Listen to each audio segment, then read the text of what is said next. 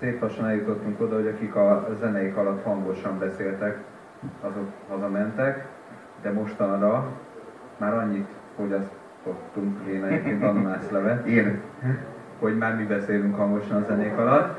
Nem, reméljük, ez senkit nem zavart. Egyébként meg most már látható volt, hogy a negyedik előadó után meglátták páran az áriemet, és akkor azt mondták, hogy nagyon most már nekünk nincs más hátra, csak az áriem, úgyhogy ők hazamentek. És most pedig a szám alatt hazamentek az áriemesek is, hogy miért ezeket a közép vatak áriem számokat rakják. Közép-nyugati. Igen. Na jó, de még van pár.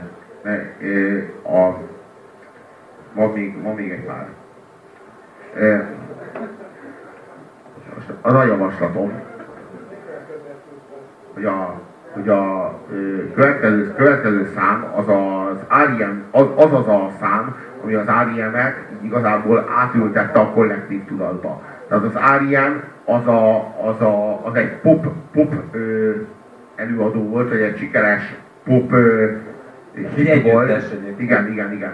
Nem egy ember. De az, elő, az el- együttes az előadó is egyben. Igen? Igen. Azt hittem az előadó az mindig egy ember. Nem, sosem. Vagy egy, maximum egy terem. De maximum.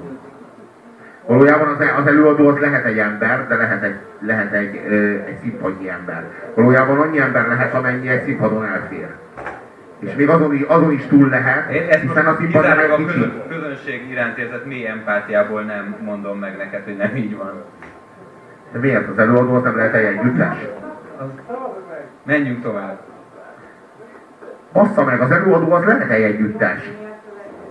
De miért? Ők adják elő a számot. Ők az előadók. Hát ezt mondom. Én. De most miért konferálja a